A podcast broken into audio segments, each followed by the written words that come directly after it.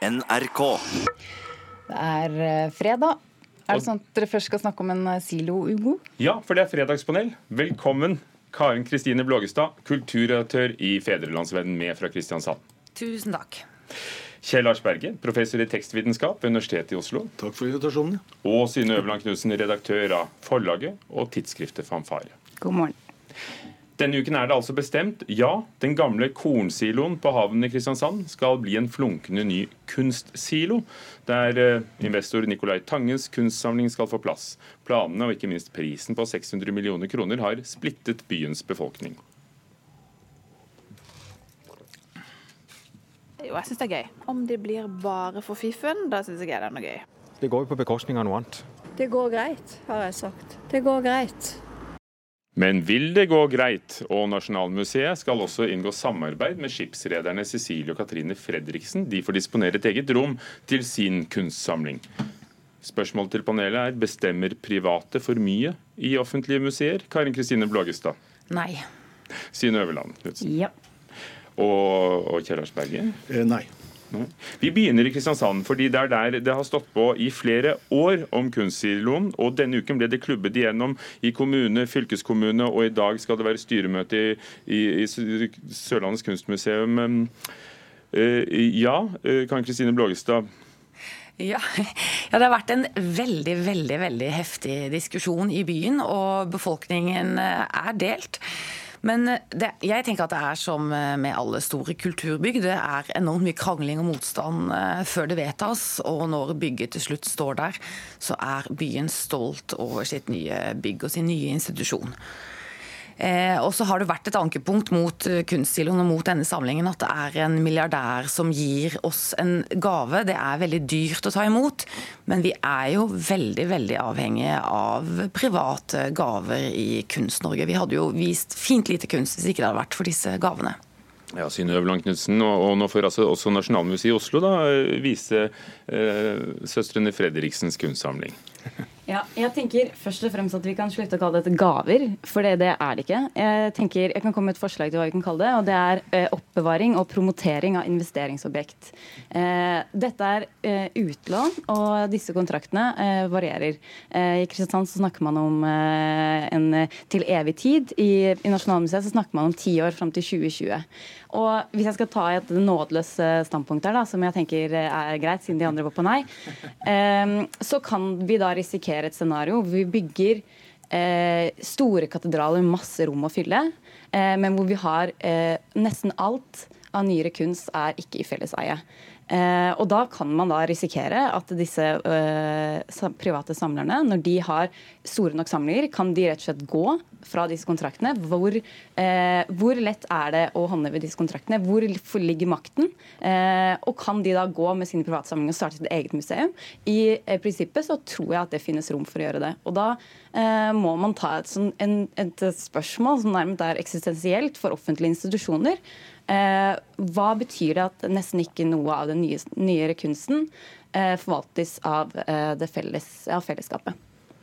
Kjellars Berge. Ja, nei, altså, Gave er eller møllestein? Eh, nei, jeg syns jo, jeg syns jo at man skal være veldig positiv ja, til den typen gaver. Og, og historien viser jo at Men er det en gave fungerer. når det følger med Ja, så nei, mye jeg, jeg synes jo omkostninger? Dette var interessante betraktninger, selvfølgelig. Jeg har jo ikke satt meg sånn inn i detalj i dette. Men jeg syns prinsipielt at man må være positiv da, til, til å få fra folk som har penger og råd til å investere, kanskje kunstnere som ingen legger merke til, og har forsøkt å jobbe med, eh, og gir det til senere. Altså, jeg var jo nede i Kristiansand for ikke så lenge siden på universitetet der, og der henger det jo en fantastisk samling av beatkunstnere som er gitt av en, eh, en tidligere lege, tror jeg. Og helt fantastisk samling som jo eh, masse ukjente beatkunstnere i sin tid, men som da vokser i, i, i berømmelse etter hvert, som den samlingen blir kjent. Da. Og det er klart at eh, det at mennesker ønsker å liksom eh, for, eh, gir fine rom for folk flest på den måten, syns jeg er veldig positivt. Jeg synes også den skulpturparken til Ringnes som var veldig omdiskutert, altså som er her i Oslo, da, i Ekebergparken, Ekeberg, er jo nydelig. Flotte ting. Og... Men det er jo heller ikke en gave? Eh, nei, ikke sant. Jeg, jeg kjenner ikke detaljer De i det, men eh, jeg bare gleder meg over at det fins. Jeg, altså. jeg syns det er flott at eh, folk vil gi, gi sånne ting til fellesskapet. Da. Blågestad, er det Ja. gave eller ikke i Kristiansand? Hva, I Kristiansand hva sier så er det en gave, men det diskuteres om det er det. Men det er evigvarende disposisjonsrett. Kunstsamlingen gis til en stiftelse, og det er nesten umulig for stiftelsen å trekke disse bildene tilbake. Det er betingelser som er helt lette å akseptere for et kunstmuseum. Og jeg må jo si at jeg syns disse innvendingene er ekstremt gammeldags. Jeg blir helt sånn matt. Jeg føler meg sånn dratt tilbake til 70-tallet, hvor man skulle skille offentlig og, og privat kapital voldsomt. Og poenget er jo at hvis vi ikke har disse private samlerne, som jeg ikke vil diskreditere så sterkt som eh, min motdebattant her eh, Nicolai Tangen f.eks. er genuint interessert i kunst og har studert i mange år. Eh, Hvis vi ikke har disse samlingene, så er det ikke noe alternativ. Det er disse bildene og disse samlingene, eller veldig mye mindre.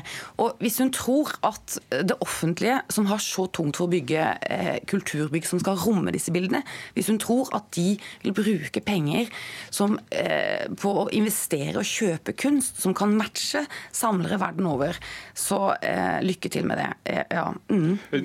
Synnøve Nasjonalmuseet for eksempel, har et budsjett på under 10 millioner kroner til innkjøp. De Dette er jo en villet politikk. Eh, og det er der jeg tenker at dette er et strukturelt problem. Eh, fordi eh, man også eh, Man kan jo se for seg på lang sikt og så mister man eh, forhandlingsmakt. Eh, og nå er det jo også da, sant, Man har ønsket at institusjonene skal gjøre seg lekkere for private samlere, men man har ikke mulighet til å kjøpe sine egne verk. som potensielt kanskje kan være av større verdi i fremtiden. Eh, og Der tenker jeg også at noe av det strukturelle spørsmålet står nå. da, fordi når man da ser på disse, kan man Vi kan jo ikke fylle disse byggene.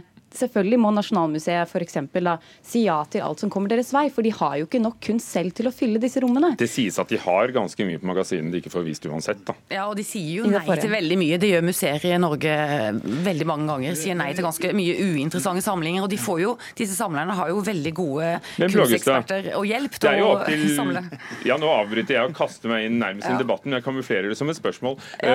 Det er vel sånn, Blågestad, at eh, de kunne jo startet et museum selv. Om det var Tangen kunne gjort som Kristin Sveaas eller, eh, eller Astrup Fearnley-museet, som er private museer. Du har en samling, du stiller den ut.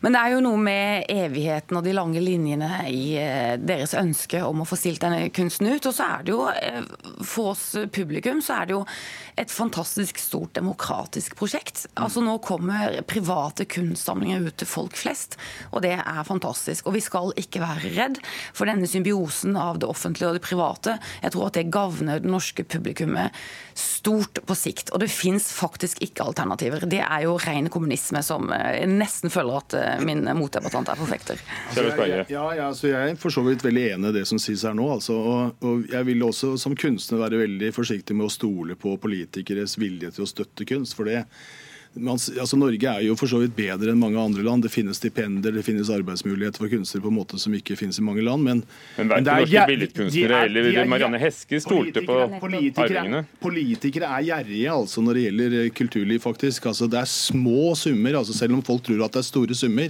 Det er veldig lite penger som går til forfattere og kunstnere når det gjelder stipender og sånn. Så, så det er nødvendig å ha en privat eh, med mennesker som er interessert i å kjøpe denne kunsten, og som investerer i kunst. Altså. Det, det Jeg er tror jeg må være ja, ja. Øyvind Og, og Knutsen, jeg er må du bare si en ting til, Vent for det litt. mener jeg så mye om at det offentlige har jo en historie om å ta vare på kunst som er full av skamfulle pletter. Det er ikke sånn at det offentlige er bra og det private er dårlig.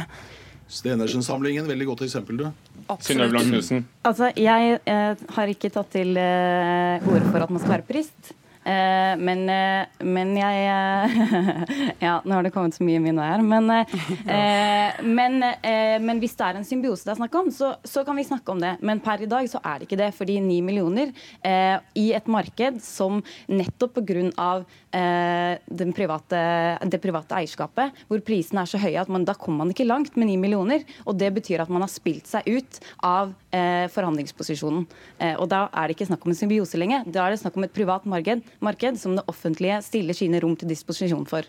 Tror du, Karen Kristine Blågestad, for her har det offentlige i hvert fall vært rause med å, å bygge et hus til Sørlandets kunstmuseum, og denne samlingen også.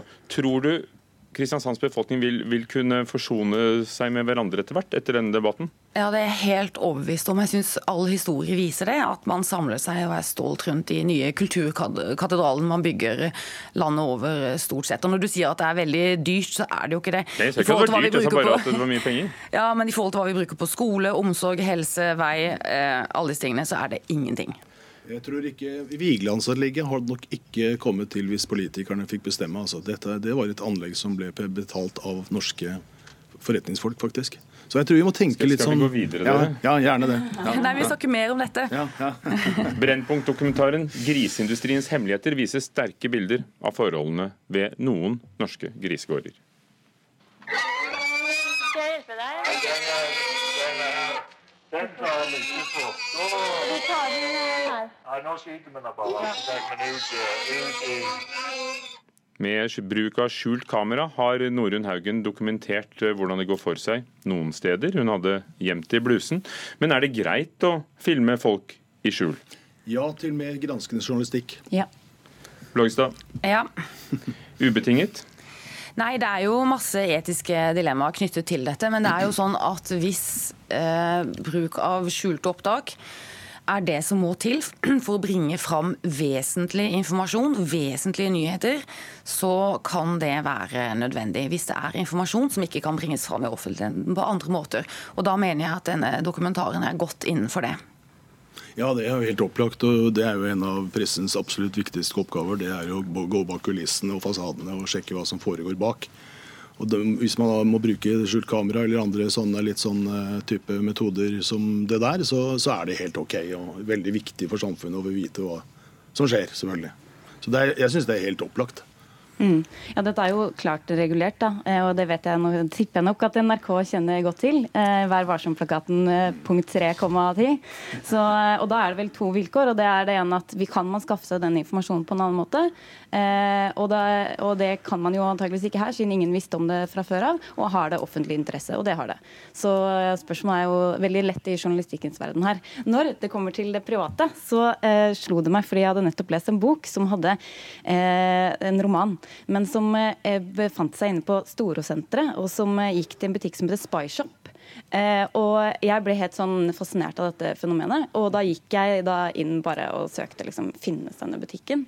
Gikk inn, Spyshop, og der var det da eh, el, Altså, det er en butikk for overvåkningsutstyr, avlyttingsutstyr, eh, og det er markedsført som sånn her kan du følge med nesten kjæresten din og hvordan ikke sant? Sånn, og det er helt eh, Det er liksom en egen fane for avlytting og overvåkning. Bruksovervisning på hvordan man overvåker. Og, eh, eh, og det står sånne ting som dette er en av de fremste enhetene på markedet for skjult lydopptak av samtaler og avlytting av møter. Og da må man jo spørre seg hvordan dette her eh, egentlig er regulert, når det kan finnes da sånne butikker som selger og så åpenbart er ment for formål som også er privatbruk. Kanskje ikke like god formål som dette foreldre som har sånne overvåkningskamera på ungene sine for at de skal vite hver tid om hva de gjør på en fester og sånn. Så dette, dette, er spesielt. Men det er noe annet enn gravejournalistikk, tross alt. altså. Karin Kristine Blågestad, burde vi hatt mer bruk av skjulte kameraer på denne måten? Ja, det kan godt være. Det, det, kan jeg godt forestille meg. Jeg, jo, jeg kunne jo foreslå f.eks. For at Mattilsynet begynner å bruke det mer. Eh, som et sånn første helt eh, løst forslag. Men jeg syns jo at eh, det, eh, altså det, er eh, en interessant diskusjon. Og så er det jo også sånn at eh, NRK har jo sikret disse grisekjøttprodusentene samtidig imøtegåelse. De har ikke benyttet seg av det, men de har gjort det. Så det, er, det er jo en viktig rett da, som man har når man blir omtalt i media. Så jeg tror at NRK er godt innenfor etisk, og det var jo viktig gravejournalistikk som ble presentert for den norske befolkningen. Virkelig. Og vi er nok ikke ferdig med, med sakene rundt, uh, rundt, det. Dere, to ord om noe som skjer i morgen, og som er blitt ganske stort. Rune. Pride, tidligere kjent som Homotoget, heter nå Paraden i Pride. Det finnes i mange byer, og den største av markeringene går av stabelen i Norge gjennom Oslos gater. I fjor hadde de visstnok titusener av, av folk som både gikk og så på. Er Pride-toget blitt det nye 17. mai-toget, Sine Øverland Knutsen? Jeg går for det, ja. Nei, det er det virkelig ikke, altså. 17. mai er noe helt annet. Kan Kristine Blågestad? Ja, 17. mai er noe annet, men det er i ferd med å bli en svær folkefest. Mm. Eh, for- Forstår du hvorfor, eh, Synne? Eh, altså, jeg, jeg, her må man svare tullete, for det, og det er, det her er et generelt spørsmål om noe veldig, som handler om noe veldig spesifikt, holdt jeg på å si. Det er jeg tror nok ikke nødvendigvis det skeive miljøet ønsker å være 17. mai. Det er vel det retteste svaret på dette. Men eh, for meg, rent empirisk, rent, rent empirisk, så har jeg det Altså, jeg syns det er helt forferdelig å være i sentrum eh, på 17. mai, men jeg syns det er veldig gøy å være i sentrum i Oslo eh, på pride. Så for meg så er det en, eh, en, eh, en slags eh, Det er i hvert fall den storhetsfølelsen, hvis du snakker metaforisk, da, som man har på, kan ha på 17. mai, som ikke jeg har lenge på 17. mai, men på pride. Er det pride i Kristiansand? Ja, og mer har det blitt de siste årene. Vi hadde jo en eh, episode, eller noen episoder her hvor eh, man har tatt ned, eller eh, altså noen har tatt ned disse pride-flaggene. Og da har jo tilslutningen rundt saken og rundt, pride økt. Selv her på Sørlandet, så det har vært utrolig kjekt. Og jeg syns jo det er kjempefint hvis på en måte dette pride-budskapet løftes ut fra de veldig sånn spissa homopolitiske organisasjonene og blir en stor folkefest og en hyllest til kjærligheten uansett legning form og fargen. Jeg syns det er utrolig gøy. Og nå så jeg jo at det er folk liksom i Oslo også, her i Kristiansand tror jeg, som skal ha champagnefrokost før de går i samla flokk eh, pynta til byen, liksom. Så det begynner jo å ligne litt på eh, 17. mai. Vi mangler liksom kongefamilien står og vinker kanskje til Pride-toget. går det i bunad, folkens? Gjør det det? Bruker man bunad? Vi får se i morgen. Ja. Takk skal dere ha. Vi har pride, og vi har 1. mai og 8. mars og 17. mai. Så det er mange tog. Karin Kristine Blågestad, kulturredaktør i Federlandsvennen. Synnøve Lang Knutsen, redaktør i Fanfare. Og Kjellars Berge, professor ved Universitetet i Oslo.